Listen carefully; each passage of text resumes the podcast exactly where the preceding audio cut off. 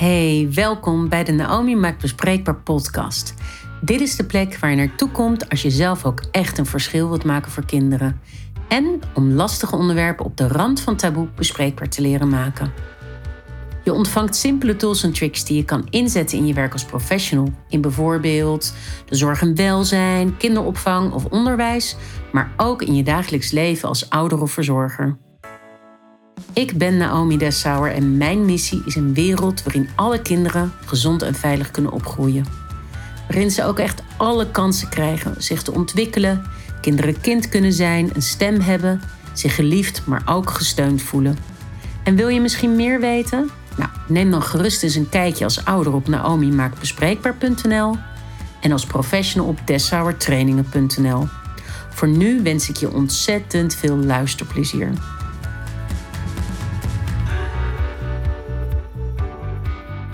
In deze podcast, um, die misschien wat meer voor ouders of verzorgers is, maar als jij een professional bent die werkt met ouders of kinderen, dan kan ik me voorstellen dat dit ook een super interessante podcast is. Maar in deze podcast wil ik het hebben over het thema seksualiteit. En vooral hoe heb je het daar samen over? Dus stel dat je samen opvoedt, hulde aan de alleenstaande of alleen opvoedende ouder trouwens. Want nou, ik vind opvoeden met z'n tweeën soms wel een uitdaging. Maar als je het in je eentje doet, nou, daar heb ik altijd grote respect voor. Dus dat wil ik even zeggen om te beginnen. En het zou ook kunnen als je uh, alleen opvoedt, dat er wel andere mensen om je heen zijn met wie je samen opvoedt. En uh, dat kan bijvoorbeeld een oppas zijn die heel erg nabij is, of een au pair. Of de buurvrouw waar je kinderen heel vaak zijn. Of uh, goede vrienden. Of ja, wie kunnen we nog meer bedenken? Het kan bijvoorbeeld ook een opa of oma zijn. Kijk, als die een hele grote rol hebben binnen het opvoeden van jouw kind of kinderen.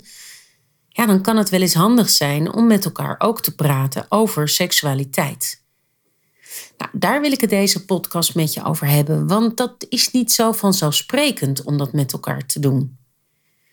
Heel veel partners of mensen die samen opvoeden, die hebben het daar eigenlijk niet zo vaak over. Heel soms hebben ze het er misschien over, maar nou, mijn ervaring is dat dat echt in ieder geval veel te weinig is. En op wat voor momenten zou je er nou met elkaar over kunnen praten? Nou, het begint er wat mij betreft al mee als je samen besluit te gaan opvoeden of als je samen blijkt een kindje te krijgen. Dat je het met elkaar hebt over ja, dat hele thema seksualiteit. En als ik het heb hè, over seksualiteit, heb ik het over niet alleen seksuele voorlichting en over de bloemetjes en de bijtjes, zal ik maar zeggen. Maar daar heb ik het over, over grenzen, nee leren zeggen, uh, respect hebben voor elkaar, omgaan met andere mensen, relaties intimiteit, lichaamsbewustzijn of lichaamsintegriteit. Ik heb het over dingen bij de naam noemen rondom seksualiteit. En ik heb het ook over ja, seksuele, seksueel gemeenschap, vrije, uh, nou, noem maar op. Ik heb het dus over een heel groot gebied. Een heel groot onderwerp is het ook, wat mij betreft. Wat dus ontzettend veel onderwerpen bij elkaar omvat. En het start er voor mij dus al mee dat je nou ja, met elkaar zeg maar, gaat opvoeden. En dat je benieuwd bent van, ja, hoe is het voor jou eigenlijk om over het thema seksualiteit te praten? Hoe vind je het om het erover te hebben? Hoe vind je het om ermee geconfronteerd te worden? Hoe, hoe denk je dat het zal zijn op het moment dat we daar met ons kind of onze kinderen over gaan praten? Welke rol zou je jezelf hierin willen zien hebben? het kan bijvoorbeeld zijn, ik hoor wel eens vaders die zeggen, nou alles met seksualiteit, dat moet mijn vrouw maar doen. Als ik even het geëikte plaatje van man-vrouw neem. Of uh, een vrouw die zegt, ja, als het gaat over mijn zoon, dan moet mijn man het maar doen. En als het gaat over, over onze dochter, dan, uh, dan pak ik het op. Terwijl het ook heel leerzaam voor kinderen kan, kan zijn om juist met, uh, als meisje met een vader te praten of met een man. En als jongen met een moeder of met een vrouw te praten. Dus dat ja, is heel erg eigenlijk een beetje een ouderwets patroon wat ik zie. En gelukkig wordt dat al steeds minder. Ehm, maar ik zie ook voordelen om het juist om te draaien. Maar goed, dat zijn allemaal dingen die je dus als partners of als samen opvoedende uh, partners, opvoedpartners zijn ook een soort partners. Ook al ben je misschien geen liefdespartners. En ook met een ex trouwens kun je dit soort dingen bespreken. Je voedt nog wel samen op. Dus prachtig om dat gesprek met elkaar aan te gaan. Ehm, om dat soort dingen bespreekbaar te maken. En stel dat je bijvoorbeeld allebei van hetzelfde geslacht bent. Dus dat twee vrouwen opvoeden of twee mannen samen opvoeden. Ja, dan kan je het er ook over hebben. Hoe is het voor ons om uh, als twee mannen een meisje op te laten groeien? Uh, en te praten over thema seksualiteit. Of uh, andersom, als het gaat om twee meisjes, om met je kind hierover te praten. Of twee meisjes, twee vrouwen. Hè, hoe is het? Stel dat je uh, dochters hebt alleen samen. Ja, hoe is het dat het een vrouwenhuishouden is bijvoorbeeld? Allemaal dingen waar je heel nieuwsgierig over kan zijn. En een ander thema wat ik ook belangrijk vind hier, wat hier ook mee te maken heeft, is dat je ook bijvoorbeeld aan elkaar, met elkaar bespreekt hoe ben je opgegroeid met het thema seksualiteit. Hoe werd er thuis uh, samen over dit thema gesproken en wat vond je daar fijn aan en wat vond je daar niet fijn aan? Ik heb een uh, cursus voor ouders, een uh, uitgebreide cursus met elf video's en één hele module gaat hierover. En dan stel ik ook de vraag van wat, wat laat je achter, wat neem je mee en wat voeg je toe? Dus zijn er, zijn er zaken uit je jeugd die je zelf hebt meegemaakt rondom dit thema, die je als het ware achter wilt laten? Zijn er vervolgens ook dingen waarvan je zegt, nou, die wil ik meenemen, die vond ik belangrijk. En zijn er misschien dingen die je gemist hebt of waarvan je denkt, ja, dat hoort echt bij deze tijd. En dat heb ik gemist of dat was toen niet aan de orde en die voeg ik toe. bijvoorbeeld, uh, vroeger werd er weinig over gender gesproken. Het is nu veel gebruikelijker om het ook over gender te hebben. Nou, dat kan bijvoorbeeld iets zijn wat je toevoegt met elkaar. Of dat je zegt, ja, thuis hebben we eigenlijk nooit gezegd over hoe we omgingen met naakt in de badkamer vanaf een bepaalde leeftijd. Nou, dat voeg ik toe. Ik vind het belangrijk om het daarover te hebben. Zo kan je bijvoorbeeld achterlaten dat het een taboe was thuis om het erover te hebben. Of dat bepaalde vragen niet gesteld mochten worden. Of dat het een taboe was om een boekje te lezen over seksualiteit. Ik zeg maar wat. En ik zal eens een voorbeeld geven van ehm, ons eigen gezin. Ik voed uh, samen met uh, mijn man Stijn, voeden wij onze twee dochters op, die nu vijf en zeven zijn. En je kunt je voorstellen dat die wel in een redelijk open klimaat rondom seksualiteit opgroeien. Maar het is niet zo dat, dat dat zo vanzelfsprekend is. Dus dat lijkt heel vanzelfsprekend omdat ik vrij open ben over seksualiteit. Voor mijn man is dat wat minder vanzelfsprekend die krijgt zelfs een klein beetje kortsluiting als het gaat over seksualiteit en onze dochters. En die zegt dus heel snel: Nou, Naomi, dat mag jij oplossen. Of daar moet jij het maar over hebben. Maar daar hebben we het dan met elkaar wel over. En inmiddels ligt het niet allemaal meer op mijn bordje, maar is het ook belangrijk dat mijn man, die heeft dat in de loop der jaren ook geleerd, dat hij ook reageert op situaties waarbij seksualiteit speelt. Bijvoorbeeld als ze met elkaar bloot zijn en onze dochters zitten naar elkaar te kijken. Ik, ik geef maar even een voorbeeld. En te onderzoeken. Ja, dat vindt mijn man heel ongemakkelijk, maar het hoort bij hun seksuele ontwikkeling dat ze dat doen. Um, dus dan hebben we het daar met elkaar over. En dat is niet altijd zijn dat gemakkelijke gesprekken, want ik voel me daar comfortabeler bij dan, dan dat Stijn zich daarbij voelt. En wat ik absoluut de winst vind, is dat we het er dus over kunnen hebben. En dat ook Stijn zijn ongemak erover kan uitspreken. En soms kan zeggen: Oh, dat vind ik echt zo moeilijk om dat te zien of dat te horen. Of als ze dit of dat doen. Nou, dat kan van alles zijn. dat hij dat moeilijk vindt. Ik weet nog dat toen uh, onze dochter Isa geboren werd. En nou, we waren al eventjes natuurlijk luiers aan het verschonen. Want het begint meteen de eerste seconde dat je kind geboren wordt. En na een tijdje weet ik me nog heel goed dat Stijn op een gegeven moment tegen mij zei: van ja ik voel me er eigenlijk zo ongemakkelijk bij als Isa gepoept heeft en ze zit helemaal onder. Ja, dan moet je natuurlijk die vagina schoonmaken. Wij noemen een vagina een vagina en een piemel een piemel. Dat is de namen die wij er thuis aan geven.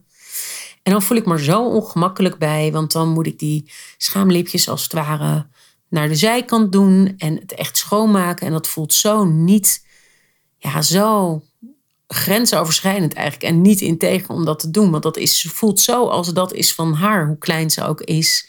En dat voelt dus super ongemakkelijk. Maar ja, uh, Naomi, ik doe het natuurlijk wel, want ze moet schoon en ik weet dat dat moet. En het was zo mooi om het daar met elkaar over te hebben en dat met elkaar uit te spreken.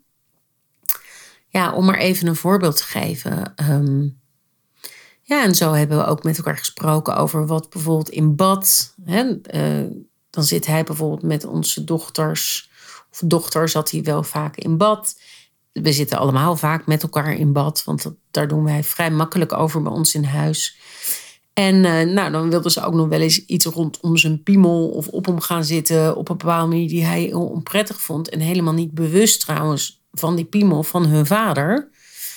Maar hij was zich daar natuurlijk wel van bewust. En dan hebben we het daarover, van hoe kan je daarmee omgaan? Hoe is dat? Wat maakt dat dat zo is? En dat is echt geen urenlange gesprekken tussen hem en mij. Maar daar hebben we het wel over. En soms neem ik trouwens ook wel iets van hem over.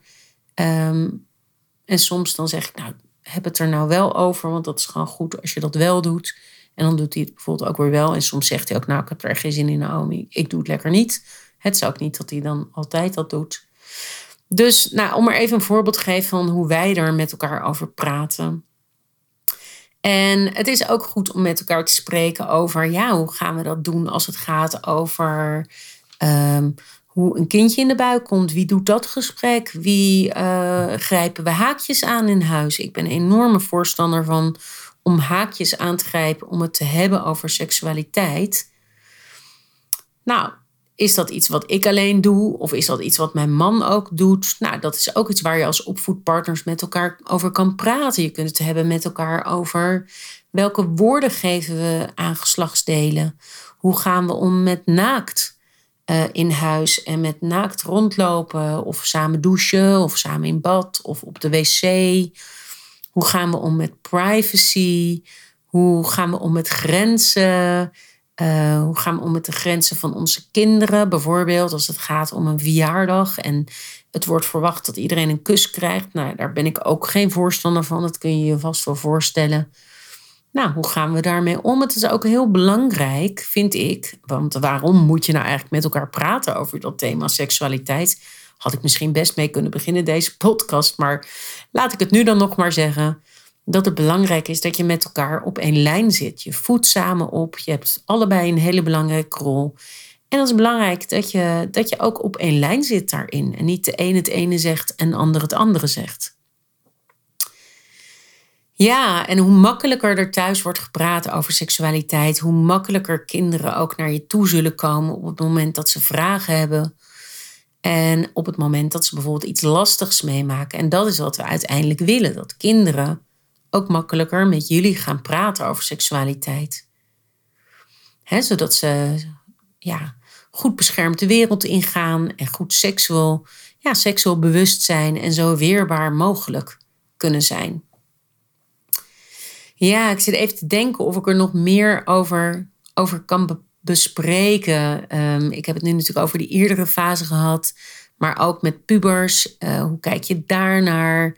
Um, dus in alle levensfases waar je kind ingaat, is het ook weer, ja, komen er weer andere issues op jullie af. En is het dus ook opnieuw belangrijk om met elkaar te praten. Hou ook oog voor het verschil in culturele achtergrond. In wat heb je meegekregen van vroeger? Misschien sta je daar heel anders in. Het is niet zo vanzelfsprekend dat we allemaal ja, dezelfde achtergrond hebben als we samen ook opvoeden. Nou ja, heb het daar ook over. En trouwens, respecteer ook hoe je erin staat. dus je kunt wel met elkaar bespreken van nou, iets wat, het wat de een wel doet en de ander niet. Of zich wel of niet prettig bij voelt. Maar daar kun je ook alleen maar op inspelen als je dat van elkaar weet. Het kan ook zijn dat bijvoorbeeld een van de partners een negatieve seksuele ervaring heeft. Ook dat zal beïnvloeden hoe je comfortabel of niet comfortabel bent in het praten met je kinderen over seksualiteit en het op de agenda zetten. Nou, heel mooi als je daarin ook aanvullend kan zijn op elkaar. Net als dat ik eigenlijk vertel dat Stijn en ik daarin ook aanvullend zijn op elkaar. Ja, nou laat ik het hier maar bij laten. Ik denk dat dit voor nu het allerbelangrijkste is. Heb je sowieso behoefte aan een extra stukje handvatten om ja, te praten met je kinderen over seksualiteit? Dan uh, kan ik me voorstellen dat het echt een tip is om mijn e-book, gratis e-book 10 gouden tips om met je kind te praten over seksualiteit, um, eens te downloaden. En dat kan op mijn website. En ik ben heel erg benieuwd, heb jij wel eens een gesprek met je partner hierover gehad of met je opvoedpartner hierover gehad? En wat heeft dat ook opgeleverd? Nou, ik ben er heel erg benieuwd naar. En als dit nog bepaalde eye-openers heeft opgeleverd voor je, ook dan ben ik daar natuurlijk heel erg benieuwd naar. Nou, heel graag tot een volgende podcast. Dank je wel voor het luisteren naar de Naomi Maakt Bespreekbaar podcast. Ik hoop dat ik je heb kunnen inspireren en concrete tips heb kunnen meegeven waarmee je gelijk een verschil gaat maken. Ik maak deze podcast omdat ik geloof in het delen van kennis. En ik er ook in geloof dat de maatschappij als geheel hier beter van wordt. Zodat uiteindelijk alle kinderen nog veiliger en gezonder kunnen opgroeien. En ook jij hoeft het trouwens niet helemaal alleen te doen. Dus ben je een ouder of verzorger? Kijk dan eens op naomimaakbespreekbaar.nl of ga naar de Facebookpagina Naomi Maakt Bespreekbaar. Hier deel ik heel veel informatie. Kun je webinars volgen en vind je de blogs die ik in de afgelopen jaren heb geschreven. En ben jij misschien een professional? Snuffel dan eens tussen het gratis aanbod op deshouwertrainingen.nl en download bijvoorbeeld een van de concrete tools die ik speciaal voor jou heb ontwikkeld. Doe er echt je voordeel mee. Ook zou ik het super tof vinden als je me laat weten wat je van deze aflevering vond. En deze bijvoorbeeld deelt met mensen uit je omgeving. En ben je misschien benieuwd naar de volgende afleveringen? Abonneer je dan op deze podcast in je favoriete podcast-app. En luister je via iTunes? Laat dan ook een review achter. Zo maken we lastige onderwerpen nog meer bespreekbaar en kunnen andere mensen mij beter vinden. En voor nu wil ik je nog één vraag meegeven. Welk verschil ga jij vandaag maken?